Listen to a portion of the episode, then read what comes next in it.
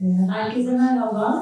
Ee, Cinayi Muhabbetler ikinci sempozyumumuzun son oturumundan başlayacağız şimdi. Ee, ilk oturumlarda çok güzel konuşmalar dinledik. Çok teşekkür ediyoruz e, son yapan arkadaşlarımıza, hocalarımıza. Ee, kadın yazarlar, polisiye yazarlar üzerine sunumlar sunum yapıldı. Ee, kadın e, polisiye yazarların kahramanları üzerine queer bakış açısıyla polisiye queer açısından bakışla ilgili bir sunum yapıldı. Şimdi bu e, oturumumuzda da e, erkek yazarların kadın kahraman üretmesi polisiye e, romanlarda e, nasıl e, e, üretti, yani e, kurguladıkları kadın yazarlar üzerine sunularımız olacak. E, tabii ben de çok merak ediyorum aslında böyle e, işte Peyami Safa'dan günümüz yazarlarına kadar e, kurgulanan kadın e, kahramanlar, anti kahramanlar nasıl bir e, seyir izlemiş. Belki biraz onu göreceğiz e, sunumlardan. Ee, konuşmacılarımız Selin Hocam, e, ilk konuşmacımız e, İstanbul Üniversitesi e, Fransız Dil Edebiyatı bölümünde e, doktorasını Lyon'da yapmış sanıyorum. E, Simone de Beauvoir üzerine otobiyografik Evet. çalışmalar üzerine yapmıştınız. E, ve Fransız yazarlar üzerine çalışmış çok e, gördüğüm kadarıyla çalışmalarından Nerval, Everime, e, Jean-Jacques Rousseau üzerine çalışmaları var. E, bugün de bize Peyami Safa Polisiyesi'nde kadının temsili Tilki Leman ve Çekirge Zehra örnekleri üzerinden bir sunum yapacak. E, ben öncelikle sözü ona bırakıyorum. Keyifli dinlemeler diliyorum size. Ee, teşekkürler hocam. Biz de bu e, cinayi muhabbetlerin e, bu ilk gününün e, son oturumundayız. E, bu birlikteliği de aslında bizlere şu anda olmaklı kılan önce Seval hocam ve e, Didem hocamın da ve onların ekibinin de çok fazla çalıştığı bir isim Peyami Safa. E, ve tabii onun Server Bedi Külliyatı. E, umarım Nedret Hoca'nın bize hep söylediği bir şey vardı. Eski şeyler üzerine, eski söylemler üzerine yeni bir bakış açısıyla yeni bir şeyler söyleyebilmek de mesele derdi. Ee, bakalım yapabilecek miyim ben de bunu. Ee, ben e, Peyami Safa'nın Server Beti Külliyatı'ndan iki yapıtını ele alacağım. Eril ve dişil dil üzerinden değerlendireceğim Tilki Levan ve Çekirge Zehra serisini e, polisiye anlatılarda ortaya çıkan iki suçlu, hırsız karaktere bakacağım. Kadın e, karaktere bakacağım. Birlikte mercek altına almaya çalışacağız. E, Peyami Safa'nın, e, ya daha doğrusu Server Bedi'nin ya da e, Tilki Leman 5 anlatıdan oluşuyor, kısa anlatılardan oluşuyor. Çekirge Zehra'da 8 kısa anlatıdan oluşuyor. E, bize işte 1920'lerin Türkiye'sinde, Osmanlısında, e, o tarihler çünkü, e, okurlarıyla buluşmuş e, ve e, bu zamana kadar da, e, günümüze kadar da taşınmış polisiye anlatılar. İsimlerinin aslında bizlere hemen düşündürdüğü başka bir isim daha var. Cingöz Recai. E, Cingöz Recai serisiyle de ciddi benzerlikler ve tabii ki ciddi farklılıklar sunuyor. E, sanıyorum Cingöz Recai e, çok daha fazla bilinen bir e, karakter. E, bu cinsiyet farkı tabii Cingöz Recai ve Tilki Levan Tilki e, Çekirge Zehra arasındaki en temel farklılık da e, bir tarafta suçlunun erkek olması, diğer tarafta da kadın olması tabii ki en temel farklılık ama başka farklılıkları olduğunu da e, analiz ilerledikçe göreceğiz. E, cinsiyet farkı sadece işte anlatıda var olan hırsızlığın ya da dolandırıcılığın ya da temel anlamda bugün Bülent beni uyardı aslında hırsızlık, işte e, katil vesaire e, cinayet demek yerine suç e, tanımını kullanmamız daha uygun e, bulunuyormuş. O yüzden hani suçun e, içeriği ve işleniş şeklini değiştirmiyor. E, fakat sadece bunu değiştirmiyor. Öykülerin anlatıcısının, karakterlerin ve tabii ki de okurun suça ve suçluya bakış açısını değiştirdiği gibi bir de toplumsal cinsiyet rolleriyle ilgili aslında bize güçlü göstergeler sunuyor. İki anlatıyı da e, aynı çalışmada ele almak istememin sebebi de ana karakterler olan Leman ve Zehra arasında e, iki benzerliklerden yola çıkarak o dönemin edebiyatında ve e, toplumsal yapısında kadın olgusuna da değinebilmek oldu. Çünkü e, bugünkü sempozyum e, sadece polisiye ya da sadece feminizm değil, ikisini birden birleştirmeyi gerektirdi. E, bilimsel bir bakış açısıyla ve yöntemlerle ele alacağım değerlendirmede incelemelerin yapıldığı yöntemler olarak e, gösterge bilim, sözcüler ve anlam bilim e, gibi disiplinlere çıkış noktası aldığını da önceden belirtmem gerekir. E, yapısalcı kökenlerden gelen bu yöntemler metindeki anlam olgusunun metnin içinde değerlendirilmesine olanak verirken cinsiyet çalışmaları, kadın çalışmaları e, yöntemlerinin e, ben özellikle de Fransız feminist eleştiri disiplinlerinin e, çerçevesinde bakacağım. Onlar dışında elde edilen verilerin de hem edebiyatta hem de toplumsal yaşamdaki karşılıklarına değineceğim. Böylece polisiye edebiyat özelinde kadın karakterlere ve bu toprakların aslında e, ya da bu polisiye edebiyatın üretildiği toprakların kadın algısına da değinebilmek istiyorum. E, ilk olarak Tilki Leman ve Çekirge Zehra'nın e, metinlerdeki ortaya çıkışlarına yani e, birazdan terminolojik olacak olursak yeniden sunumlarına, reprezentasyonlarına baktığımızda farklı yönden gelen betimlemelerle karşılaşıyoruz. Şöyle ki anlatıcı tarafından, polis tarafından ve kendileri tarafından betimlenen kadınların algıları nasıl değiştirdiğini rahatlıkla görebiliyoruz. Anlatılarda sözü hakimiyetinde tutan ve dolayısıyla anlatıyı üstlenen tanrısal anlatıcı, yani her şeyi bilen ve gören anlatıcı, e, bunun ifadeleri Leman ve Zehra'nın okura ilk takdim edildiği sözler. Leman içinde, Zehra içinde hemen hemen aynı sözleri, aynı ifadeleri içeren betimlemelerle okurun karşısına çıkarılan kadın hırsızlar e, ilk aşamada son derece güzel, olumlu, çekici kadınlar olarak betimleniyor. Örneğin e, biraz önce de konuşmuştuk şimdi göreceksiniz. Örneğin Tilki Leman için anlatıcının ilk betimlemesi şöyle. Bu 27-28 yaşlarında büyük ela gözlü, uzun kirpikli, dudakları incecik, yüzünün derisi şeffaf ve hassas, bakışları gayet parlak, zeki, cevval, tavırları ateşin, oturduğu yerde mütemadiyen kıvranan, bitmiyor, hareket eden, fıkır fıkır kaynayan, canlı kıvrak, zarif ve her haliyle cazip, güzel ve kibar bir kadındı. Ee, Çekirge Zehra için de yine anlatıcı ilk kez şu şekilde e, takdim ediyor Çekirge Zehra'yı. Genç ve harikulade bir kadın içeriye girdi. Bu tepeden tırnağa bütün vücudu ateşin bir canlılıkla fıkır fıkır kaynayan, gözlerinden zeka ve şeytanet ziyaları saçılan, titrek, oynak, seyyal, kıvrak bir kadındı. Müdür bu güzel ve cazip mahlukun içeriye girişini arzulu ve hayran bakışlarla seyrettikten sonra karşısında durdu. Şimdi bu tanımlar bizim için çok önemli göstergeler barındırıyor. Bu tanımlarda anlatıcının tercih ettiği sözcüklere bakıldığında kadınların üç temel özelliğinin altını çizildiğini görüyoruz. Hem Leman hem de Zehra anlatıcıya göre güzel, zeki ve kıvrak, fıkır fıkır kadınlar. Ee, anlatılar boyunca kadın suçluların bedensel özelliklerini detaylı bir şekilde sunan anlatıcı, özellikle bir erkeğin kullanacağı eril bir dille kadınların kıvraklıkları, fıkır fıkır ve ateşli birer kadın olmaları gibi kadınsı yani dişil özellikler üzerinde duruyor. Zekaları birer, tabloda da görüyoruz, zekaları birer ikişer sözcükle geçiştirilen kadınların suç işlerken de bu kadınlık özelliklerini, dişil özelliklerini kullandıkları fikri üstü örtük biçimde de verilmiş oluyor okura. Anlatıcının kullandığı bu eril dilin en güçlü göstergelerinden biri de kadınları betimlerken sürekli kullandığı mahluk ifadesi. Bu sözcük kadın çalışmaları çerçevesinde dikkate değer bir biçim inceleme e, gerektirir. Arapça kökenli olan bu sözcük Türkçe'de yaratık olarak karşılık bulurken, yaratılmış olarak karşılık bulurken e, yaratılmış tüm varlıkları kapsayan geniş bir anlamı var aslında.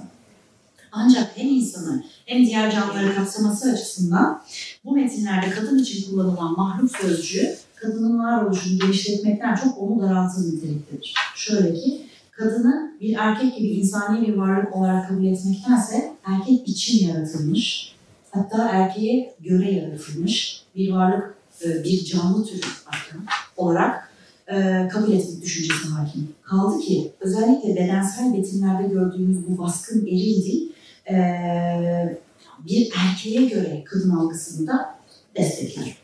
Bu taraflılık aynı anlatıcının Cingöz Recai gibi yine şeytani zekaya sahip bir erkek hırsız için bu sözcüğü neredeyse hiç kullanmamış olmasıyla da pekişir. Bazı anlatılarda, Cingöz Recai anlatılarında birer defa bazen hiç e, ne harikulade bir mahluk şeklinde e, geçer. Cingöz Recai serilerine baktığımızda bu kelimenin yine e, kullanıldığı ama seride söze edilen ve Cingöz Recai için yanıp tutuşan genç ve güzel kadınlar için sıklıkla kullanılabildiğini görüyoruz. Demek ki Server Bedi'nin eril anlatıcısı e, Leman ve Zehra'ya suçlu oldukları için değil ama kadın oldukları için mahluk demektedir. Bu sözcüğü seçimini desteklercesine de anlatıcı Leman ve Zehra'yı insani öv olmayan özelliklerle bezemeye devam eder. Tabloda da gördüğümüz gibi şeytani, şeytan, ifrit, domuz, fenlenmiş mahluk gibi sözcükler kullanmıştır. Burada şu noktaya dikkat çekmek gerekir.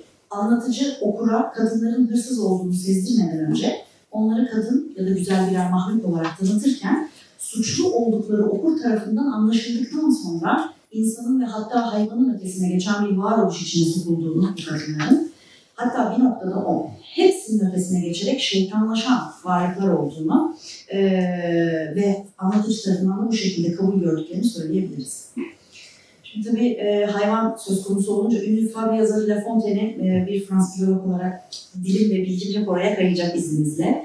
E, La Fontaine'in hayvanlar üzerinden anlattığı hikayelerin aslında bize anlattığını hepimiz biliyoruz. E, süre gelen hikayelerde hep biz varız aslında. Sadece hayvanlar üzerinden metaforlar, benzetmeler söz konusudur. Ve genelde de e, hayvan benzetmelerinde birer e, insani özelliğin e, cisim bulmuş hali gibidir. Örneğin Leman tilki takma adının gerektirdiği gibi kurnazlığıyla ön plana çıkarken Zehra ise bir çekirge gibi çevik ve hızlı olmasıyla ünlenir. Özellikle de polisin nazarında. Recai gibi doğrudan kişilik ya da davranış özellikleriyle anılmaktansa bu özelliklerin hayvani metaforlarının kullanılması elbette kadına karşı gerçekleşen bu mahluk algısını da destekler. Anlatıcının eril dilinin kadını erkekle eşit bir seviyeye yerleştirmediği böylece birkaç göstergeyle açıklıkla ortaya çıkar. Bunu desteklercesine her iki seride de cevval, genç ve son derece zeki, becerikli olarak betimlenen sertaharri memurları yani başkomiserler, komiserler üzerinden de bu dereceli sınıflandırmayı okuruna benimsetir. Polislerin gözünde Leman ve Zehra da her ne kadar güzel ve harikulade varlıklar da olsalar nihayetinde birer suçludurlar. Ve polisler için önemli olan adalettir birer tragedya kahramanı gibi tutku ve görev arasında kalan komiserler her defasında onurlu olanı, görevleri olan adaleti seçerek adeta birer, birer Corney kahramanına dönüşürler. Kadın hırsızların büyüleyici ve ahenkli seslerine veya iltifatkar ve cazip gözlerine bunlar anlatıcı ifadeleri asla kapılmaz polisler. Onlarla ilişkilerini hırsız polis seviyesinde tutarlar ve hırsızlar tarafından dolandırılan, mağdur edilenlerle de bu kadınlar hakkında konuşurken eril dillerini saklamaktan asla çekinmezler. Şöyle. Üstelik anlatılarda e, Tilki Leman'ın peşindeki Ahmet Fatim e, ve e, Çekirge Zehra'nın peşindeki Selim, Ahmet Fatim ve Selim e, komiserler. E, anlatıcının tabirleriyle tekrar edeceğim. Genç, yakışıklı, zeki, ateş gibi cida, çakı gibi keskin, yüksek kabiliyetli erkeklerdir az önce değindiğimiz gibi adaletin sağlanması gibi yüce bir amacı da görev edilmiş olan insanlar olarak okula sunulurlar. Dolayısıyla da hırsızların peşinden koşarken her zaman mağdur edilenleri, dolandırılanları, e, haklarının savunucusu olarak suçla amansız bir mücadeleye de girerler. Tabii bu arada e, örnek insanlar olarak, yani örnek, model, rol model insanlar olarak okura sunulurlar. Fakat bu amansız mücadelelerinde de hiçbir zaman hırsızları yakalamayı başaramazlar. Ee, kadın hırsızları yani Tilki Levan ve Çekirge Zehra'yı mağdur edilen insanlara tanıtırken de az önce söylemiştim şimdi ona geri döneceğim. Eril bir dille eleştirirken kadınlık durumundan vurmaktan da geri durmazlar. Çünkü mağdur edilenler de dolandırılanlar da şehvetli ve güzel kadınların ağına düşen erkeklerdir. Zengin erkekler tabii ki. Ee, tabloda da gördüğünüz gibi meşhur kadın hırsızların peşlerindeki polisler kadınlara kötü özellikler yakıştırmaktan çekinmiyorlar. Doğrudan o dönemler e, veya şimdi bile belki bir kadının en önemli özelliklerinden yani toplum gözünde en azından bir, bir kadının en önemli özelliklerinden biri olarak görülen ahlak, namus kavramı üstünden vuruyorlar aslında. E, hırsızlık tabii ki elbette başı başına bir çürüme ve ahlaksızlıktır ve büyük küçük ayırt edilmeksizin kesin bir suçtur. E, bu noktada polisler kadın hırsızları hırsızlıkla suçladıkları gibi aşüftelik yani fahişelikle de e, itham ederler. Hatta böyle kadınlar olduklarına dair en ufak bir şüphe taşımadan bunu suça maruz kalanlarla da rahatlıkla paylaşırlar. Server Bedi'nin Cingöz Recai serisine döndüğümüzde karşımızda duran hırsız figürü zenginden alıp fakire veren, e, sadece ahlaksızca kazanılmış servetlerin peşinde olan bir hırsız. Bu özelliğiyle okurda yarattığı sempati duygusu hırsızlığın bir suç olduğu gerçeğinin önüne bile zaman zaman geçer. Adeta yüce bir amaç uğruna hırsızlık yapan erkeğin karşısındaysa aşüftelikle harmanlanmış bir hırsızlık örneği vardır. Söz konusu kadın hırsızlar, kadın anti kahramanlar olduğunda. Erkeğin yüce amacının karşısında kadınların kadınlıklarını kullanarak işledikleri suçta başarılı olmaları durumu kanıtlar niteliktedir tabii ki. Her seferinde güzel ve büyük siyah gözleriyle, şuh kahkahalarıyla ve kadına özgü o seksapelleriyle erkekleri ağına düşüren kadın hırsızın yüce bir amacı olması bir yana, vücudunu kullanarak, bedenini kullanarak suç işlemesi onu olduğu konumdan daha aşağıda yerleştirir. Anlatılarda sadece zekasıyla ve becerisiyle hırsızlık yapamayan kadın bedenini kullanır ve diğer herkesin gözünde fahişe statüsü kazanır. Çalışmanın bu noktasında e, bir diyalogla devam etmek istiyorum ben. E, Çekirge, Zehra ve polis arasında bir diyalog geçiyor. E, ve Zehra'yı yakalayan e, Selim onu tevkif edecek. Fakat işte polislerin, e, yedek güçlerin gelmesini beklerken kapalı bir alanda baş başa kalıyorlar. Ve aralarında şöyle güzel bir konuşma geçiyor. Çok çok e, göstergelerle dolu bir e, konuşma bu da. E, kadın başlıyor konuşmaya, Zehra başlıyor. Senden bir sigara istedim, niçin vermiyorsun? Bundan da mı korkuyorsun? Bir kadına hürmet böyle mi olur? Sen kadın değilsin. Neyim? Bir erkekten daha kurnaz, daha pişkin, daha melun bir mahluksun. Ve Zehra cevap veriyor. E, melun sıfatını reddederim. Kurnazlığa ve pişkinliğe gelince bunlara teşekkür. Ben kadınım yavrum, hakiki kadın. Erkek cinsinin kadınlara fizyoloji ve psikolojik itibariyle tefevvukunu yani üstünlüğünü e, ilan eden felsefi nazariyelere inanmanın modası geçmiştir. Kadınlar arasında da bir cingöz recai çıkabilir. Bu konuşmadan gördüğümüz kadarıyla erkek polis de anlatıcının eril e, bakış açısına sahip. E, ve bu şekilde bu bakış açısıyla kadının kadınlığını reddediyor. Suçlu olmakla, kurnaz olmakla erkekleştiğini, hatta erkekten de öteye geçerek, insani değerlerini yitirerek, anlatıcının da sözcüsünde ortaya çıkan kadın olmayan kategorisine Zehra'yı yerleştirir. Sonrasında da yine anlatıcı gibi Zehra'yı oradan da alarak insan olmayan kategorisine yerleştirir. Şeytani mahluk diyerek. Bir erkekten daha cingöz olduğunu kendisine söylenmesi Zehra için bir iltifat olabilir ancak. Erkeklerden daha fazla olmayı iltifat olarak alarak incelikle teşekkür eden Zehra kendisine defalarca yakıştırılan melun sıfatını yani kötücülüğü de şiddetle reddeder. İltifat olarak aldığı konuysa kendisinin de cingöz rica ile yarışabilecek zekada ve beceride olduğunun ima edilmesidir. Çekirge Zehra, cingöz recai gibi bir figürü kendine denk, eşit görür. Kaldı ki kadın erkek eşitliğini savunan felsefeleri benimsediğinde duyurur Selim'i. Ancak tüm bu teşekkürlerden, reddedişlerden sonra en önemlisi kendi benliğini, kendi kimliğini altını çizerek, üstüne basarak açıklığa kavuşturur. Zehra kendi gözünde hakiki yani gerçek bir kadındır. Ne daha azı ne de daha fazlası. Bir insandır ve becerikli ve zeki bir kadındır. Ne anlatıcının, ne polisin ne de dolandırdığı erkeklerin kendine yakıştırdığı gibi kadın olmayan kategorisini şiddetle reddeder. Öz algısı kendine olduğu yere kadınlığa iade eder. Hem de erkeğin eşiti bir kadındır Zehra kendi varlık alanında. Duyurduğu bu ses son derece güçlü, feminist bir sestir aslında. Kadın erkek eşitliğini sadece savunmakla kalmayan, bunu erkeklere de dayatan güçlü bir kadının yüksek sesli ifadesidir tabloya yansıttığım diyalog. Bir diğer öz algıya bakarsak Tilki Leman'da e, bu dernek bu kadar kadın erkek meselesini değinmeden kendi öz algısını yani kendini nasıl gördüğünü şu şekilde anlatıyor. Ve dolandırmaya çalıştığı bir erkekle açık açık konuşurken. E, soymaya ve dolandırmaya doyamıyorum. Bu zevk beni tesir ediyor.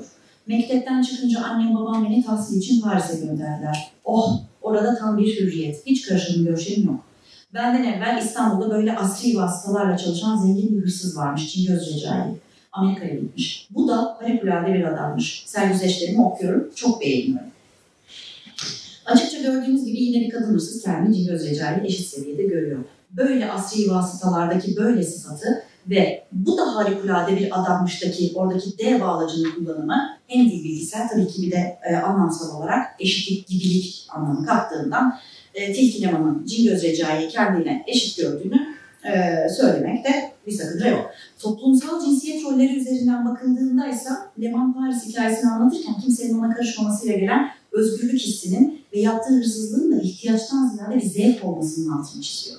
20'lerin İstanbul'unda kadının e, toplumsal hak ve özgürlüklerindeki e, kısıtlarını düşündüğümüzde kendini özgürce var edebildiği e, ve e, özgürlüğünün ve zevkinin peşinden e, koşabildiği yerde de oh demesi son derece anlaşılabilir bir durum.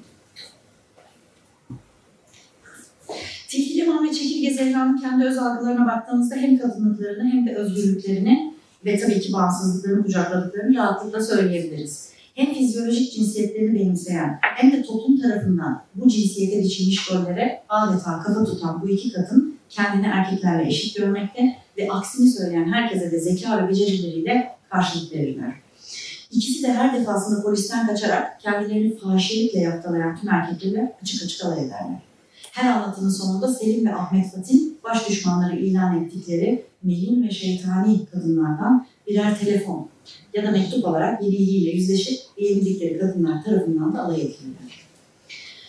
Anlatıların dilleri üzerine yaptığımız bu çalışmada eril dille oluşturulmuş olay örgülerine yerleştirilen kadın e, hırsızlar var. Ve bunların kadınlıkla ilgili ahlaksızlık atıfına maruz kalması aslında dilin ne kadar güçlü bir gösterge olduğunu bize resmen kanıtlıyor.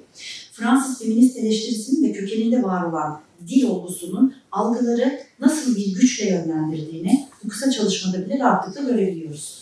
Anlatıların odak noktaları olan hırsız kadınların sözünün azlığı karşısında erkek karakterlerinin sözlerinin çokluğu ve dolayısıyla etki gücü adeta metinlerde ortaya çıkan bu kadın erkek eşitsizliğinin bir göstergesi. Kaldı ki Ellen Sixus, Luz Irigaray, Julia Kristeva gibi Fransız feminist felsefeciler anladıklarımızın yapısının dilin içinde ve dil tarafından şifrelendiğini ifade ederler.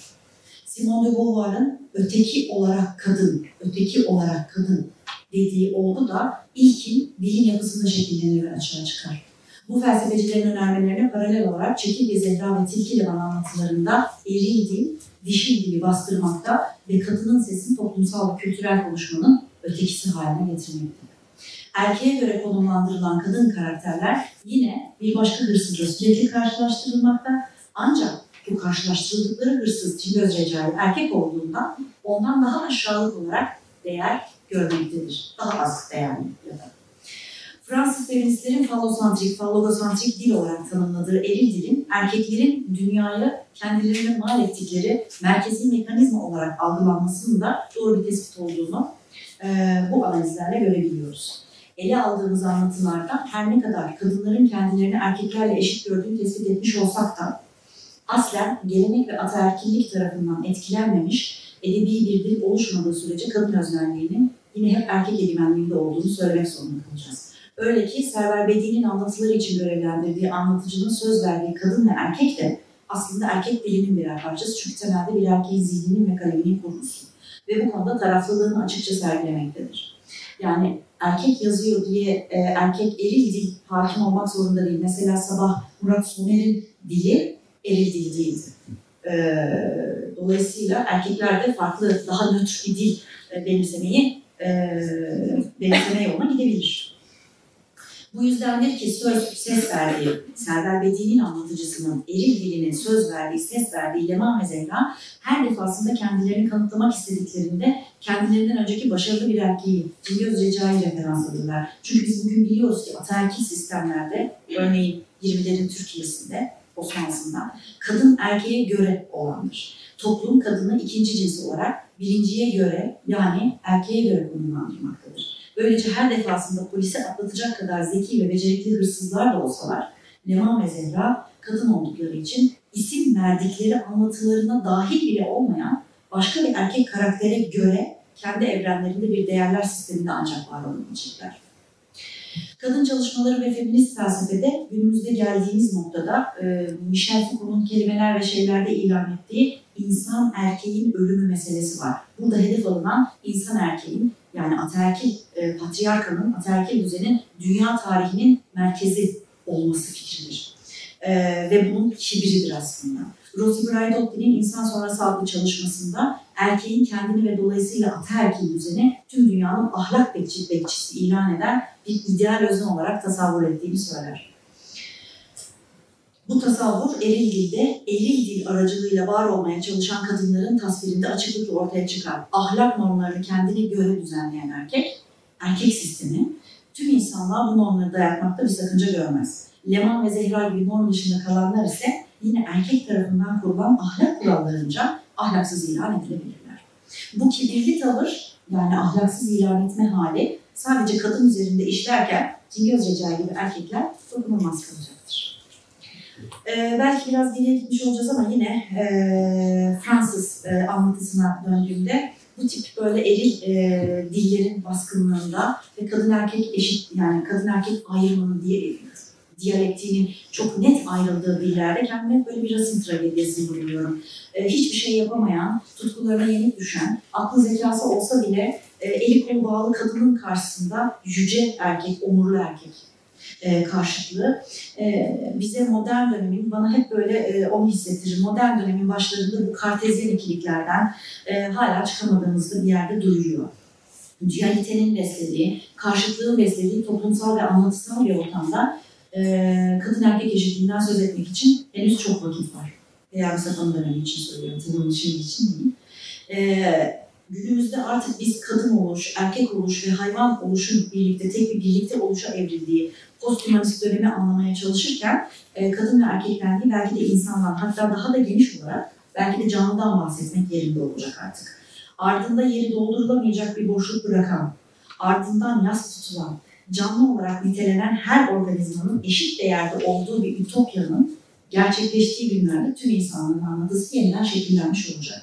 Ama o zamana kadar sanırım temelden başlayarak kullanılan her sözcüğün anlamları üzerine iyice düşünmek belki bizi biraz aydınlığa ve eşitliğe ulaştırabilecek ufak bir adım olabilir diyerek bitireyim ben. Dolu ve e, Marka Duraz'la ilgili çevirileri var benim bildiğim kadarıyla. E, Türkçe'ye katkıları çok e, önemli. E, bugünkü sunumu da e, günümüz yazarlarından kendisi de burada Suat Duman. E, hoş geldin diyoruz kendisine. E, onun kadın dedektifi Ferda üzerine bir sunumu olacak hocamızın. Ben sözü kendisine bırakıyorum. Teşekkürler. Ben teşekkür ederim. Evet, Seval Hoca bize verdi konuları. Hepimiz Fransız dili, edebiyatı hocada. Yarın da Bülent hocamız var. Böyle çalıştık, geldik. Ee, şimdi e, bugün de şimdi sıpladık. Server Bedi'den, e, Peyami Safa'dan bugüne geliyoruz. E, fakat kurgusuyla bizi geçmişte tutan bir e, anlatı var elimizde. E, Suat Duman'ın e, kadın e, dedektifi Ferda e, bir e, dizi romanın ilk üç cildi, ilk üç bölümü. E, romanın üst başlığı 1918. Şu sıralarda biz sürekli Proust çalışıyoruz. Kayıp zaman izinde gibi bir ana bir başlık var. Altı yavaş yavaş dolacak herhalde. İlk üç tanesini, basılmış olan üç tanesini inceledim. Bunlar alakargada çıkmış 2020, 2020 ve sonuncusu da 2021 mavi olan sonuncusu. Ee, bu savaş sonrası dönemde referans, zaten başlığını görüyorsunuz bir referans var, tarihsel bir referans var. Savaş sonrası dönemde İstanbul'da geçiyor ve iki kadını baş kişi olarak öne çıkarıyor. Bu iki kadın romanın başlığında yer almamakla birlikte şöyle dikkatle bakarsınız e, kapağını silüetleriyle belirliyorlar. Bir tanesi ak, bir tanesi kara, bir tanesi şapkalı, birinin saçında tokasıyla iki genç kadını üç cilde de getirmiş, renkler değişmiş. Dolayısıyla başlık gibi kapaklarda bir bilgi taşıyan e, bir kodlamaya, okura yönelik bir kodlamayı veriyor. Ve süreklilik de var. Ferda e, Fransa'da hukuk eğitimi görmüş bir paşa kızıdır. E, Miyet ise Fransa'da okur kitlesi olan bir gazetecidir. Anlatılarda cinayet ya da soygun gibi adli vakaların çözülmesi ve bu e, çözülmesi bu iki kadının etrafında ama ağırlıklı olarak Ferda'nın etrafında örülür ve olaylar ilerledikçe kişilerin, bu iki kadının kişilik özellikleri, dünya ve hayatta ilişkileri metne katılır. O üç kitabı temel olarak aldığımda 1918'in kurduğu metinsel dünya üç temel eksende e, anlamlanıyor. Onun için de buna ben romanın yapısı dedim. E, şöyle bir görelim diye. Çünkü e, analizde hep bunlar birbirlerine eklenecekler. Bir tanesi eylem şeması. Çünkü polisiye var elimizde. E, cinayet, hırsızlık ve sırrın şey, çözülmesi gibi. İkincisi toplumsal siyasal ortam, o da bir anlam alanı açıyor. Üçüncüsü de öznel, bireysel, kişisel alan, demin de kadınlardan bahsettim, oraya çok rahat yerleşiyor. Eylem şeması yani bire baktığımız zaman e, olay örgüsü Ferda'nın çözmeye çalıştığı, niyetinde e, yeri geldiğince yardım ettiği, arkadaşına destek olduğu olaylardan oluşuyor. Çeşitli evreleri var bu sürecin. Cinayet, hırsızlık, e, aşağıda görüyorsunuz bir sentaks çıkıyor ortaya. Cinayet, hırsızlık türünden olayın duyulması, ortaya çıkması. Daha sonra ipuçlarını takip. Daha sonra bilgi toplama. Bunu izleyen yorumlamalar. Ve sonunda suçlunun ortaya çıkmasını kapsayan bir sentaks ortaya çıkıyor. Bilgilerin karşılaştırması falan da var. Şemaya bunları koydum. Ee, bu perspektifte Ferda bir anlatı, eylem kişisi olarak karşılanıyor. Çünkü hep eylemde biz onu görüyoruz. Görünmeyen ya da ihmal edilmiş ipuçlarının ya da şüphelilerin peşinde İstanbul'u kat eden bir kadın karşımızda. Karanlık mahallelerde suçluları ya da işbirlikçilerini kovalıyor. Kaçan adamların peşine düşüyor. Arabasıyla onları takip ediyor. Yeri geldiğinde bastonunun içindeki küçük kılıcını çekerek dövüşüyor. E, Şeylere dikkat edin, buraya da yazdım. Fiillere dövüşmek, saklanmak, kovalamak, peşine düşmek, duvardan atlamak gibi hareket bildiren birçok fiilin gramatikal öznesi olarak da karşımıza çıkıyor. E, ikinci e, romanın yapısını taşıyan ikinci taşı, taşıyıcı kolon toplumsal siyasal ortam demiştim. Bu ortamın anlatıcıya aktarılması, anlatılması ya da anlatıya katılması anlatıcının yani niyetin e, üzerinden oluyor. Niyetin söylemiyle biz olayları izliyoruz.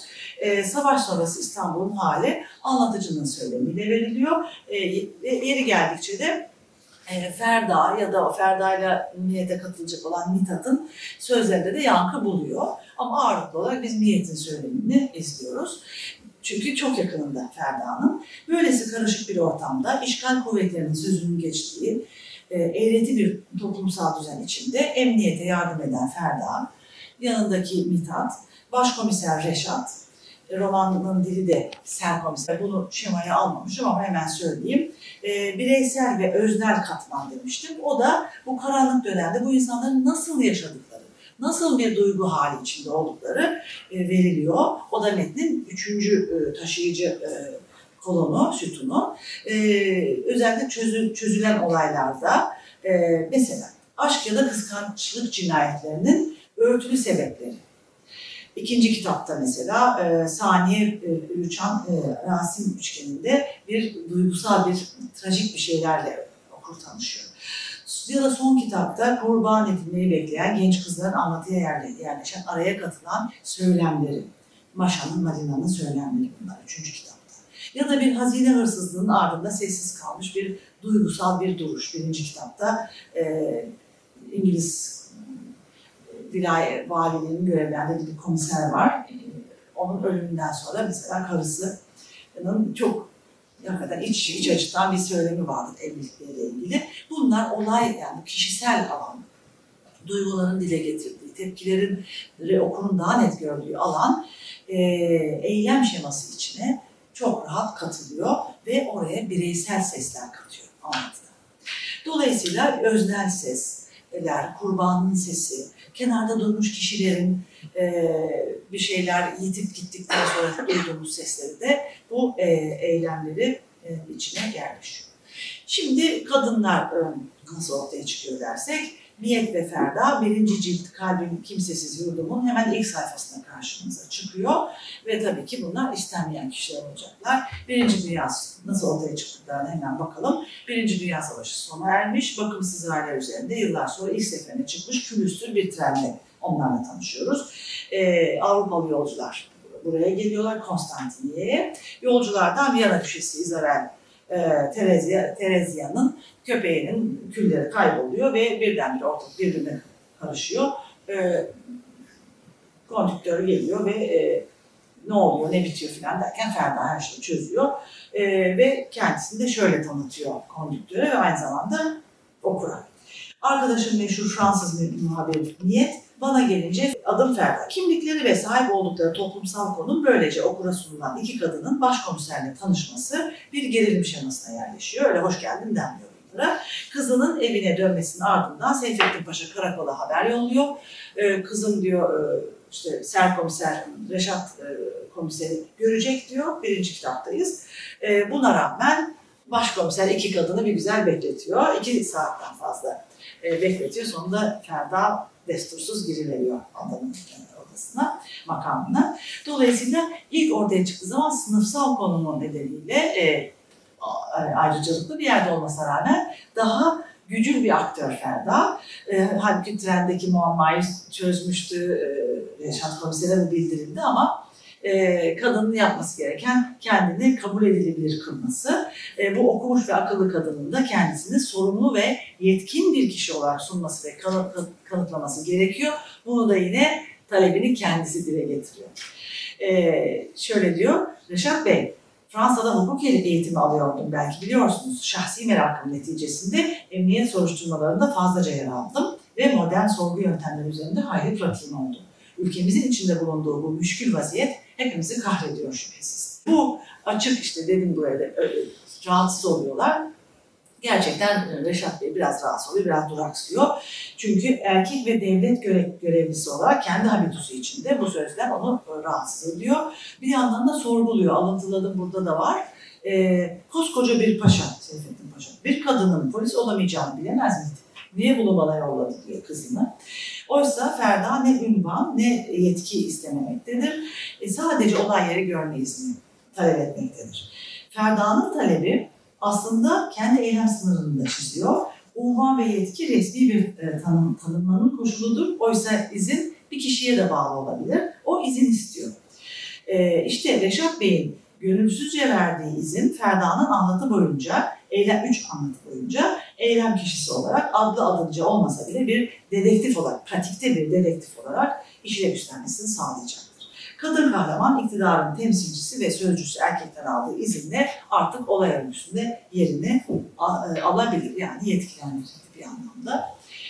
Ee, Nejat Bey bir süre düşündü. Dudaklarını ıslık çalar gibi büzüldü. Ee, sert bir öğretmen edasıyla e, yani anlatılamışım zaten. E, kaşlarını çattı. E, ardından başını çevirip Beyoğlu'nun keşmekeşini seyretti. İki elini havaya kaldırıp kendisini Seyfettin Paşa'ya karşı zor durumda bırakan bu şımarık kadına ne diyeceğini bilemez bir şekilde iç kesit geçirdi. Sonra pes ediyor. Çünkü durum hakikaten o dönemde İstanbul'da e, dertli bir dönem. Sonuçta masasında yılan cinayet dosyaları bakıyor ve e, bu talebi kabul ediyor. Dolayısıyla e, anlatı ilerledikçe e, bir anlamda başkomiserin yardımına bu kadın koşacak. Hani burun kıvrılan, dudak bükülen kadın koşacak. E, ama e, yine de tam yetkili olmamasına rağmen erkek ona bir e, alan açıyor. Şimdi kadınlara bakalım. Bunlar iki kadın demiştik. E, Ferda başından beri kararlı, cesur. dedim ya, iki saat bekledikten sonra destursuz girdi e, serkomiser Reşat'ın makamına. E, hızlı harekete geçen, geçen birisi gibi beliriyor. Hedefine odaklı, istediğini elde ediyor. Niyet ise olayların içinde ölçüp biçen, anlatıcı da olduğunu işte çok rahat tanıyoruz niyeti de. E, girdikleri ortamda kadın erkek duruşlarına bakan, e, bir kadınca bir gözle bakan, e, değerlendiren bir kadın. Ferda eylemde ise niyet eylem sırasında özlem, öznel gözlemleriyle karşımıza çıkıyor. E, o daha kognitif. E, niyetin söylemi kadınca konulara el atıyor. Erkek kadın ilişkilerini e, gözlemliyor. Sevgililik, özlem gibi şeyleri dile getiriyor. Çünkü bir süre sonra İstanbul'da özlemeye başlıyor hadise.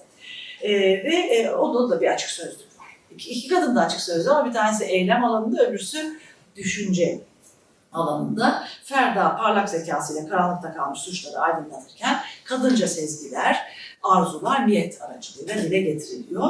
Ee, onun için de ben başlangıç, başlangıçtaki beyaz e, kadının silüetlerini hatırlarsanız siyah beyazı böyle birbirini tamamlayan bir şey gibi e, ilerlerken analizde öyle hissettim. Dolayısıyla kategorik bir ayrım var.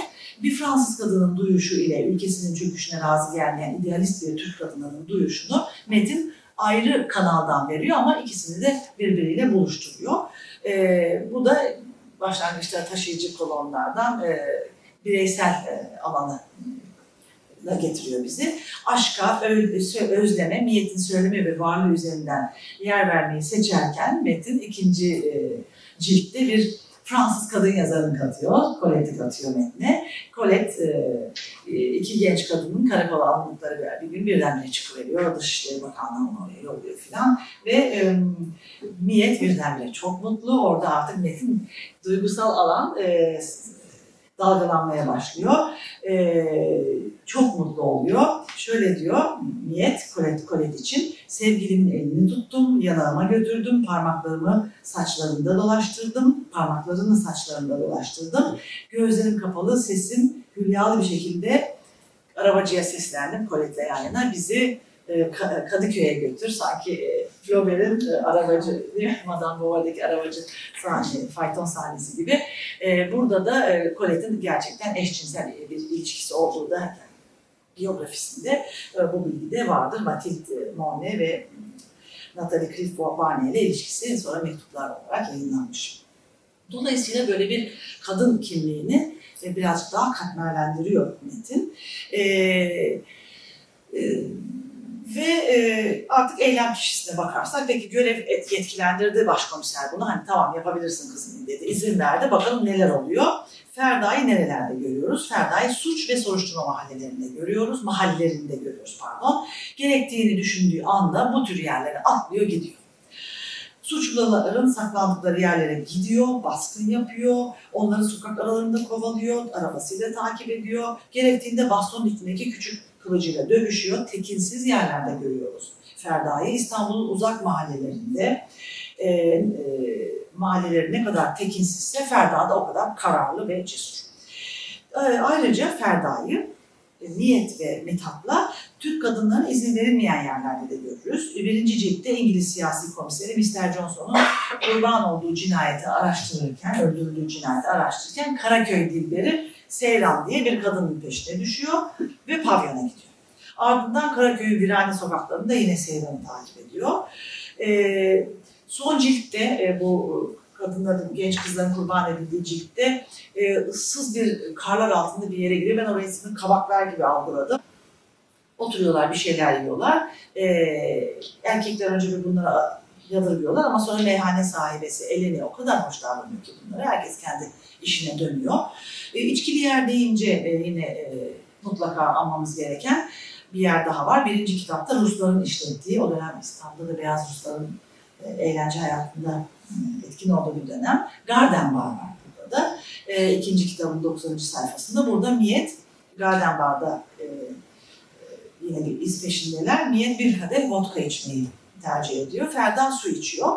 Bu tür ayrıntılar metnin döneme ilişkin toplumsal kültürel kodları takip etmesi açısından da tabii önemli. Ee, böylece Ferda ile Niyet yanlarında Mithat varken Türk kadınlarına yasaklanan ya da izin verilmeyen yerlere ulaşır hale geliyorlar. Bakın metnin başında izin verilme durumu vardı. Şimdi izin verilmeyene katılma, dahil olma koşulları ortaya çıkıyor. Ama e, yanılmamak lazım. Onları böyle iz peşinde hanım hanımcık düşünmeyelim. E, Garden Bar'da içkiyle coşup taşkınlık yapan Fransız askerleriyle Miyet ve Ferda'nın kapı, kapışması kitabın akılda kalan bölümlerindendir. Garden'in, Garden Bar'ın alımlı solisti Galina Gaye çok hoş bir sesi var. Taciz ed- iki tane Fransız içkiyi kaçırmış. Bunu taciz ederken Miyet birinci askerin kafasından şampanya şişesini geçirmek üzereyken Ferda da bastonun içindeki küçük kılıçlı, kılıçla öbür e, askerin çenesine kılıcı dayar. E, kadınlar e, bu şekilde çeşitlenmeye başlıyor. E, biz Ferda ile niyetten çıktık ama e, çeşitleniyorlar. Ve e, dışarıda çalışan meyhane sahibi Eleni gibi, Garden Bar'da sahneye çıkan Galina Gaye gibi ya da e, Kırmızı Seyran, Seyran gibi, Kadıköy dilleri Kırmızı Seyran gibi albenili figürler bir dikkatimizi çekiyor. Ama biraz sonra kurbanlara da değineceğim. Burada bir alıntı yaptım. Demin de serini dinlerken notla düştüm. Çünkü mahluk geçiyor bizim avucunda da. Kırmızı Seyran güzel miydi? Bunu erkeklere sormak lazım. Kimine göre dünyanın en güzel mahlukuydu Seyran. kimi içinse ucuz bir oynaştı. Fakat kim olursa olsun taş değilse şayet altını ben çizdim. Erkek ve hem de kadınlar onu birkaç dakika seyredip vücudun her kıvrımından- etkilenmek elde değildi diyor. Burada ben bunu bir vaktimiyen bir buluşma olarak görüyorum. O dönemde belki Server dediği şey yazara sormak lazım tabii. Onunla acaba bu sesler birbiriyle bir diyalog kuruyor mu? Bir söyleşim içinde mi Tahsin'in deyişiyle. Dolayısıyla tepeden tırnağa gösterişli, kırmızı giysisiyle kadınları baştan çıkaran, Karaköy Dilberi Seyran, pavyonda sahneye çıkan e, güzel sesli danslarıyla herkesi e, büyüleyen e, Galina Gaye gibi e, parlak kadınlar. E, mesela Ga- Galina için şöyle diyor, Amazon soyundan bir ana, bir tanrıça gibi görünüyor bu sahnede diyor diye. Bu ya da e, o alımlı bayan Eleni gibi e. Bu kadınların yanı sıra kurban kadınlar. Metin böyle e, kadınları biraz çeşitlendiriyor.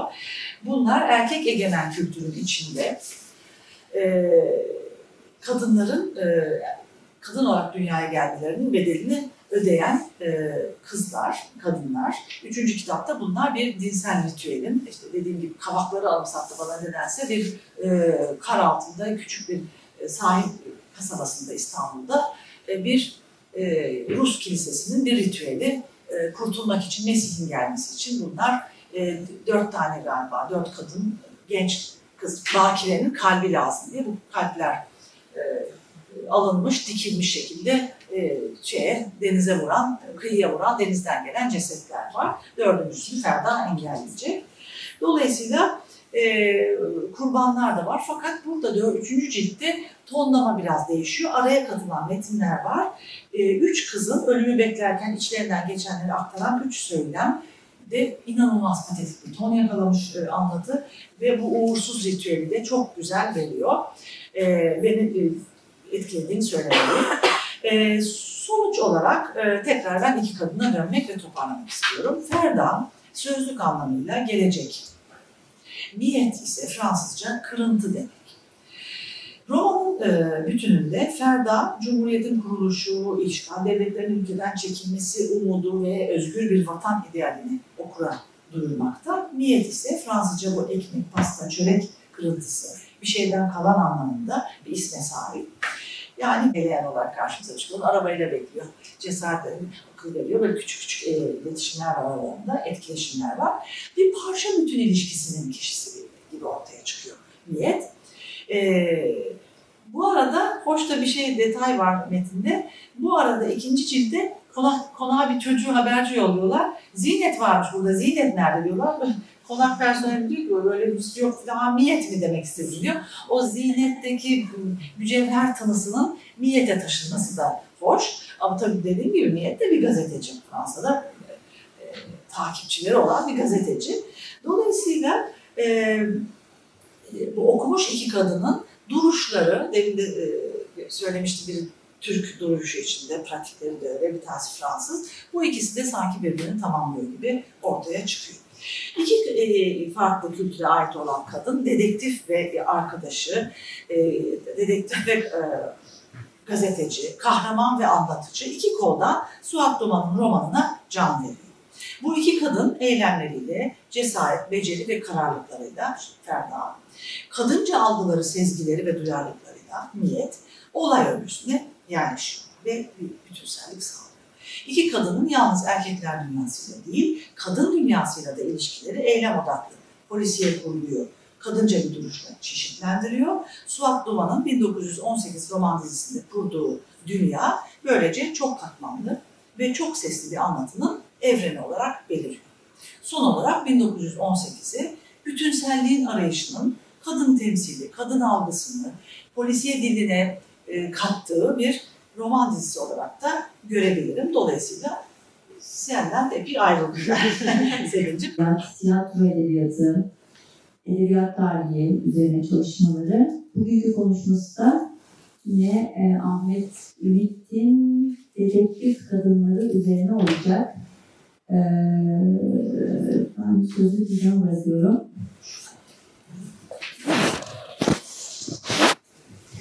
Merhaba, teşekkür ederim. Ee, sabah Ahmet abiyle açtık, Ahmet abiyle kapatıyoruz. onun kadınları, e, onun yaratmış olduğu iki kadın dedektif, daha doğrusu iki kadın polis üzerinden e, konuşma yapmaya çalışacağım. Öncelikle e, şunu söylemek istiyorum. Şöyle bir istatistik görüyorsunuz. E, 21 senesinde yüzde 8 kadın olunca kadınların daha çok nerede çalıştığını görüyoruz. Ee, dışarıdaki eylem alanlarında yani kadınların üst başının aranması için o da asayişe giriyor. Ee, bu noktadan düşününce de hani arka sokaklar e, ya da diğer kadın dedektifler yani polis dedektif olarak kadınların e, cinayet büroda çalışması e, ancak romanlarla karşımıza çıkıyor. E, bu çerçeveden bakınca da hani romanlar ne kadar e, cina, e, gerçek polis dünyasına aydınlatıyor veya ileride ne kadarını aydınlatıcı ya da bu romanlar sayesinde ileride kadınların polis olarak çalışmasında, cinayet büroda çalışmasında ne kadar etkili olur. Almanya için de e, bir araştırma yaptım ama tabii ki ona e, daki e, istatistik kurumu için e, bakamadım. Tabii niye Almanya? Çünkü Ahmet Ümit'in son polisiyesi e, şey e, Ka- Kayıp Tanrılar e, tam adını şimdi ülkesi. ülkesinde 2020 e, senesindeki oradaki kad- kadın kahramanımız Berlin'de yaşayan e, bir kadın. Onun için hani Almanya ölçeğini de düşündüm. Almanya'da da çok fazla bir fark yok hani Türkiye ile karşılaştırdığımızda ama %9'du Türkiye'ninki. İşte Almanya için baktığımızda %29'a doğru bir yükselme var. Yani kadın polis sayısı daha farklı. Bir de e, federal bir şekilde düşünmüşler. Berlin polisi, işte Düsseldorf başka bir e, şehirlerin polisiyeleri gibi. Tabii e, yine Ahmet Ümit'in polisiyesindeki kadın polisler çerçevesinde Yıldız'a baktığımızda onun bir de göçmenlik meselesi var. Yani e, ötekileştirme açısından e, hem kadın olmak, kadın polis olmak ve Berlin'de kadın polis olmak yani göçmen bir aileden gelerek kadın polis olmak şeklinde böyle bir hani e, normal polislik normları ve kadınlık e, toplumsal cinsiyet normlarıyla savaşmak durumunda kalıyor. Dünya peki bu, bu sorulardan sonra Türkiye'de ilk defa kadın polisler ne zaman olmuş, nasıl böyle bir hikaye olmuş biraz ona da baktım. Ee, bizde kadınların polis olması, mevzu bahis edilmesi 1973'teki bir polis dergisinden Salim Demircan'ın bir makalesinden e, alıntıladım. Kadınların daktiloya e, parmaklarının da narin olması sebebiyle e, polis teşkilatına alınması ilk defa gündeme gelmiş ve 1928 senesinde ilk defa kadın memurlar e, 1300 1329 doğumlu Necmi Onk ve 1314 doğumlu Münire Duysel hani daktilocu olarak hani polis teşkilatına katılmış. E, 1923'ten sonra yani Cumhuriyet'in ilanından sonra kadınların tabii ki polis olarak çalışması konuşulmuş ve bu konuda da belli başlı e, mücadele alanları olmuş. E, bu 1927 tarihli Papağan dergisinden bir karikatür. O dönem özellikle kadınların hem seçme ve seçilme hakkı çerçevesinde hem polis olmak, belli mesleklere kadınların dahil olması konusunda yapılan tartışmalarda maalesef dergilerde kadınlar hep e, belli bir aşağılama formuyla çizilmişler. Bu da bu karikatürlerden bir tanesi. En çok konuşulan şeylerden biri bu. Yani kadınlar meclise de girince hep ruj sürerken, işte çocuğa bakarken, işte süslenirken aa o işi de mi yapacaklar şeklinde bir algı var. Bu da o algılardan bir tanesi. Kadın işte hem ruj sürüyor, tırnakları uzun, elinde de e, işte e, polis e, hürriyetini tutuyor. Zaten bu tartışmalar e, yoğun bir şekilde devam etmiş. E, Türk Kadınlar Birliği'nin yoğun çabası olmuş. Ama bu çabanın içerisinde şöyle de bir durum var. E, bütün kadınlar kadın polis olmasını onaylamamış. Kadınlı, polisliğin kadınlara uygun bir meslek olmadığı üzerinde kadınlar da görüş belirtmişler. Kadınlar polisi olmasın. Biraz da polisliğin algısı da yani toplumdaki algısı da önemli. Çünkü e, çok itibarlı bir meslek olarak gözükmüyor. E, tabii ki işte sokakta olması ve e, belli suç hani ortamlarında bulunuyor olması 1920'li yıllarda kadınların polis olmasının kötü bir şey olması olarak algılanmış. 1932 senesine geldiğimizde ise ilk defa kadın memurlar po- polis olarak göreve başlamışlar ve e, 1962 senesine kadar da sivil polis olarak çalışmışlar. Onun öncesinde e, hani formalı polis olmak yok. Dünyada e, iş nasıl ilerlemiş? 1910 senesinde ilk defa Los Angeles'ta e, kadınların polis olarak görev yaptığını ben tespit ettim. E, sonra da düşündüm onun için bir LAPD polisiyesi var. Yani LAPD'de polisler çok fazla dizilerde geçiyor. Demek ki Los Angeles polislik konusunda önemli bir teşkilatı kurmuş ve kadınlar da polis olarak ilk defa hani dünya tarihinde Amerika'da resmi olarak görev almış. E, Almanya'da 1903'te de hani e, polislik mesleğine e, olmasa bile kadın gardiyanlık mesleği çerçevesinde hani e, teşkilatta görev alıyorlar. Neden kadınların polis olması düşünülmüş? Çünkü çocuk suçlular ve çocuk hani e, e, ölümleri ve kadın suçlu ve kadın katil veya hani maktul veya katil konumunda kadın ve çocukların dünyada çok fazla artık 1900'lerle birlikte yer alması, e, bunun görünür olması kadınların da bu meslekte görev almasına e, yol açmış. Romanlarda karşımıza çıkıyor deyince peki Türkiye'de e, kadınlar romanlarda araştırmacı, dedektif olarak nasıl çıkmış sorusunu da cevabına bakalım şurada. Aslında yine ilk başa dönüyoruz. Ahmet Mithat Efendi'ye geliyoruz. Çünkü e, her ne kadar çalışmalarda Ahmet Mithat Efendi'nin Dürdane Hanım'ın polisi edebiyatının içerisinde sayılmasa da Dürdane Hanım aslında aynen Esra Dicin Hayat'ta da aynı zamanda, aynı gazetede hemen yan yana tefrika ediliyor. Biri bitiyor, başlıyor. Aynı yıla denk geliyor. Yani 1883 yılına denk geliyor. Ve Dürdane Hanım'ın ana kahramanı Ulviye Hanım bizim aslında ilk kadın dedektifimiz. Kendisi zengin bir aileden geliyor olmasının vermiş olduğu şansla zenginlik beraberinde özgürlüğü getiriyor. Kılık değiştirerek erkek kılığına giriyor ve yan yalıdaki e, bir e, Dürdane Hanım'ın e, başındaki derdi ortadan kaldırıyor. Bu tam anlamıyla bir dedektiflik hikayesi. Onun Ahmet Mithat Efendi ve ondan sonra gelenler feminist değiller. Kadınlar hep suçlu, işte fenfatel, cazibeli, yoldan çıkartıcı, erkeklerin kafasını karıştırıcılar olarak çizmişler. E, bu noktada tabii ki e, şeyi unutmayalım, Cingöz'ün sevgilisi Mebruke de var. Yani işin içinde bilinçli olarak suça iştikal ediyor, karısı olarak. E, Halide Edip'in polisiyeleri var. E, ve bu polisiyelerde de kadınlar ya suçlu konumunda çizilmişler ya da bir konunun etrafında erkeklere yardımcı pozisyonda çizilmişler. E, mesela Kerime Nadir'in Kızıl Vazısı vardır ya da onu ben öldürmedim var e, Muazzez Tahsin'in mesela. Burada suçlu pozisyonunda düşüyorlar ve kendilerini kurtarmak için erkeklere yardımcı oluyorlar. Asıl bizde kadın dedektif ve kadın polisler e, özellikle 1900'ler yani 1990'dan sonra yani zaten 1990'lardan sonra Türkiye'de polisiye başka bir kimliğe de bürünüyor.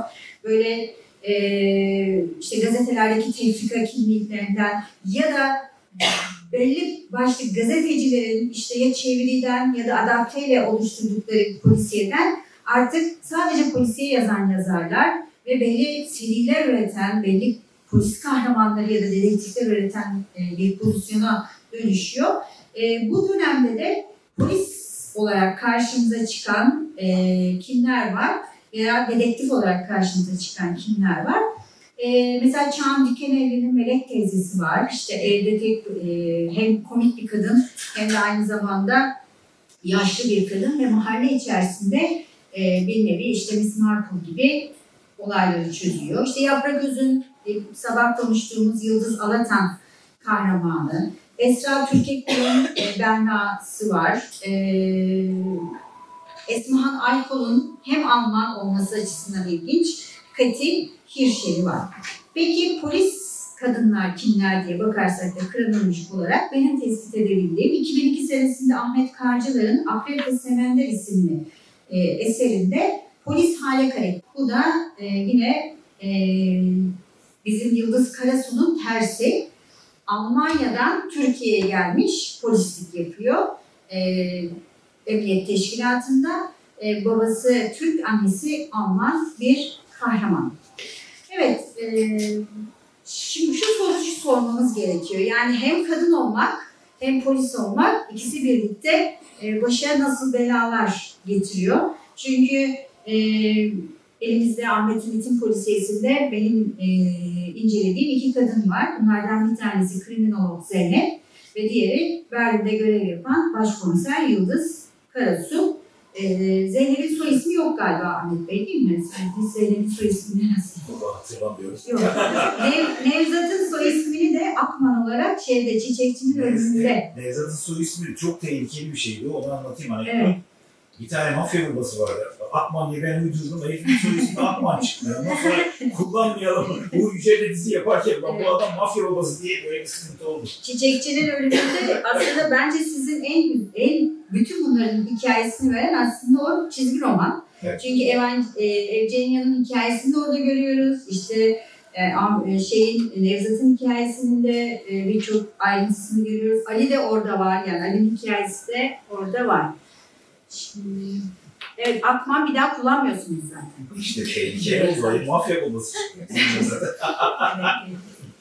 Adamı öldürdüler Sims'in beni. Zeynep, Zeynep'e de soy isim yok, Ali'nin de yok. Ama Yıldız'a bir soy isim yapmış. Alman. Almanya'dayız. Evet. Almanya'da her şeyin bir şeyi var. Ee, dediğim gibi yani hem kadın olmak hem de polis olmak, itiyaatkar olması, kibar olması, rekabetten kaçınması gerek. Ama polisliğin tam zıttı alanlar.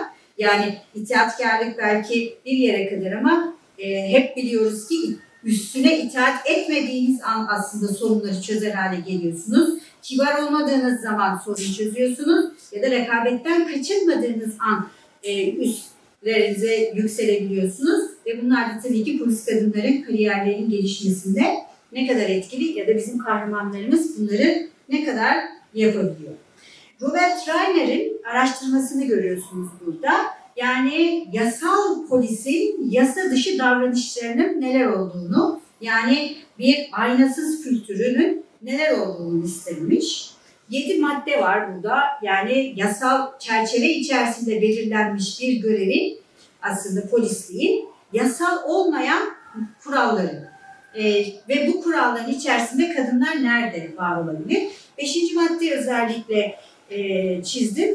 Şeyi de unutmayalım yani yüzde 90 erkeğin olduğu bir dünyada var olmaya çalışan kadınlar maçoluk yani fiziksel direnç, cesaret, cinsiyetçilik ve eril kodlar bütünü polisliğe ha- bu kültürü yani normatif bütün her şeyi sorgulamak, bunların dışında var olmaya çalışmak, cinsel olarak, düşünce olarak, her türlü politik görüş olarak itaat edilmediği zaman ne oluyor? Öncelikli olarak psikolojik şiddete maruz kalınıyor, değersizleştirme, her hareketin eleştirilmesi ve e, görmezden gelinme, yani mesleki olarak başa gelebilecek.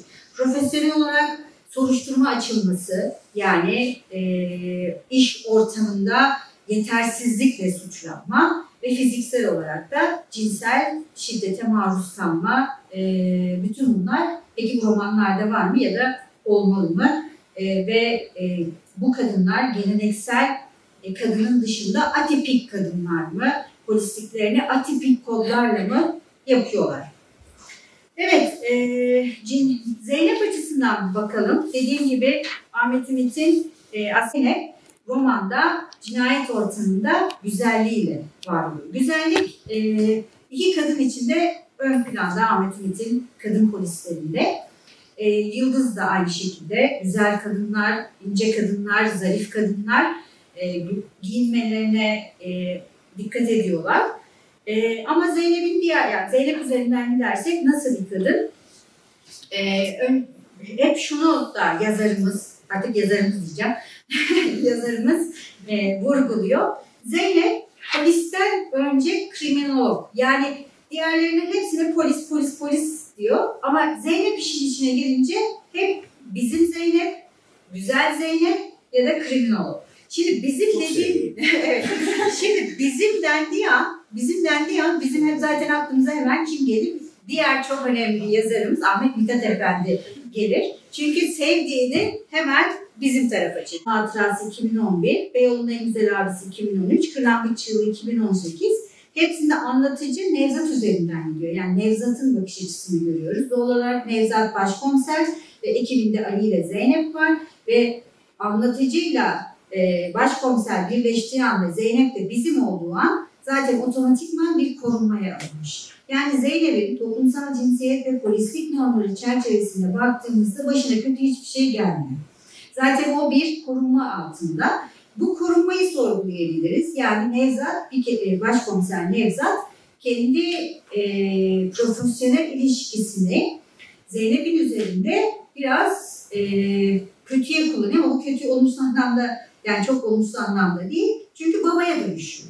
Babaya dönüştüğü anda yani onu kaybettiği kızının yerine koyduğu anda Zeynep'in e, işte özellikle Sultan'ı öldürmekte arkeolog Can'la olan ilişkisini genel olarak hani teşkilatın içerisinde olmasını zaten izin vermez. Zaten onlar da buna tevessül ediyorlar. Ama arada Zeynep başkasına baktıkça e, başkomiser Nevzat da buna kızıyor. Kronolojik olarak bütün romanları çerçevesinde düşündüğümüzde Zeynep bence e, Ahmet Ümit'in yazarlığında kadın kimliği olarak olum, çok olumlu değilmiş, daha olumlu hale gelmiş. Niye? Çünkü Kırlangıç Çığlığı'nda e, Nevzat'la Ali'yi kurtaran kişi. Yani onun e, sayesinde roman spoiler vermek istemiyorum ama iki polisi kurtaracak tek kadın kahraman olarak 18'e doğru giden çizgide Zeynep e, olumlu şekilde kendini var etmeye e, çabalamış. E, her ne kadar arada Ali onun yerine işte kahveye karar verse de Ali'nin e, bir takım zırzokluklarına maruz kalsa da Zeynep her zaman akılcı, mantıklı, sorgulayan, e, yine Nevzat'ın deyimiyle söylersek Ali eli ayağıysa Nev- e, Zeynep onun her zaman aklı, mantığı olmuş. E, diğer roman kahramanı Yıldız Karasuy için durum biraz daha e, farklı. Şöyle bir kere daha Yıldız ilk romanında görüyoruz. Umarım daha göreceğiz. Yani yazar mısınız bilmiyorum tabii. E, ama Yıldız e, Yıldız orada kalmasın. Av- Avrupa romanları. Evet, çok Avrupa romanlarında Yıldız Karasu. Evet. Yıldız çünkü e, daha az şeyler biliyoruz Yıldız hakkında. Bir kere yabancı düşmanlığına maruz kalmış e, ve İstanbul'dan yani politik görüşleri nedeniyle Almanya'ya göçmek zorunda kalmış bir ailenin büyürken aile sevgisinden de uzak kalmış bir e, kahramanı. Çünkü anne ve babasını büyürken e, onların yanında olmamış ve biraz da anne ve babanın politik kimliğinin e, ne inat polisliği seçmiş bir kadın ama polisliği seçerken Zor vallahi Yıldız döver. evet Öldürür yani. şimdi bunu da, en tutacak erkeğin elini kırar. bunu da söylemek istiyorum. Biraz önce Zeynep'in e, ilk romanda karşımıza nasıl çıktığını ilk cümleyi okumuştum. Yıldız'ı biz nasıl ilk cümleyle karşılıyoruz? Hayır, ürkmemişti başkomiser Yıldız. Yardım, yardımcısını durduran görüntüyü merak ediyordu. Yani Yıldız'ı biz ilk ürkmeyen ve meraklı bir kadın olarak görüyoruz. Zeynep'i ise güzel olarak görüyoruz ve Zeynep'in bu güzelliği aslında hep devam ediyor, hiç bunu kaybetmiyor ama gittikçe güçleniyor. Siz Yıldız'ı doğrudan güçlü yaratıyorsunuz e, ve ürkmeyen, güçlü bir kadın olarak karşınıza çıkıyor. Son olarak işte toplumsal cinsiyet açısından soracağımız sorular şunlar. Bugünün kadınları daha önce monoseksüel profesyonel alana ait polislikte hangi koşullarla giriyor ve bu koşullar altında manevra yapmak için hangi stratejileri geliştiriyorlar? Zeynep itaati eee, ama her zaman bilimi, akıl akıllı ve doğrudan şaşmamayı geliştiriyor. Ama buna rağmen zaman zaman komiser Nevzat'ın da azarlarına maruz kalıyor. Ama bu azarlara itiraz etmiyor. Bu azarlar karşısında herhangi bir eee, babasına gibi hani ters cevap vermiyor. Babalara verilebilecek bile olsa ki Zeynep'in ev hayatında görüyor ve oynuyorlar. Hatta başarıya ulaşmak için erkek olmaları mı gerekiyor? Hayır bu romanlarda hiçbir kadın yani özellikle iki polis erkek özellikler barındırmıyorlar. Özellikle de bunu yazar zarafetle e, bütün bu iki kadına da e, bir el hareketi geliştirmiş. Hep böyle sinirlendikleri zaman veya işte bir şey odaklandıkları zaman perçemlerini özellikle gözlerinin üzerinden çekiyorlar. Kahramanların önceden belirlenmiş kadınlık normlarına itaatsizlikleri nedeniyle cezalandırılıyorlar mı? Hayır. İkisi de sonuçta mesleklerinde ilerliyor. Veya e, ırkçılık ya da cinsiyetçi, aynasız kültürüyle karşılaştıkları zaman da dışlanma ya da e, herhangi bir e, ne diyelim soruşturmaya da maruz kalmıyorlar. Bu açıdan baktığımızda Ahmet Ümit'in kadınları olumlu ama dünya olumlu mu bilmiyorum. Yani bu polislik gerçek mi yoksa Ahmet Ümit'in dünyasında bunlar gerçekten olumlu çiziliyorlar mı? Onu da sorgulamamız gerekiyor bir önceki gösterdiğim istatistik e, verileri çerçevesinde. Bir, bir şeyde bir okurum gelmişti. Kadın polis. İmzada. Sonra da geldi. Gerçekten de hoş komiser. Hı. E, ve tabii şeyden çok etkilenmiş. E, o zaman yıldız yoktu. E, Zeynep'ten çok etkilenmiş. E, bence böyle polisler var. Polis şeyler, e, Berlin'de de var. Berlin'de konuştum ben. E, Türk polisler, geçen Türk kökenli ve polis olmuşlar kendilerini ifade. Bir şey söylemek istiyorum sadece. O da çok teşekkür ederiz. Bence girmek güzel. Yani Ahmet Ümit de Suatman'ın burada olması bence çok e, avantajlı. Şimdi herkes soru sorabilir. Keşke Peyami Safa da olsaydı ona da sorabilseydik. ruh çağrı. Ruh çağrısı, evet. Ee, Çok teşekkür oturumu Bu arada şey için çok güzel. Evet, sorularla devam edebiliriz isterseniz. Teşekkür ediyorum herkese.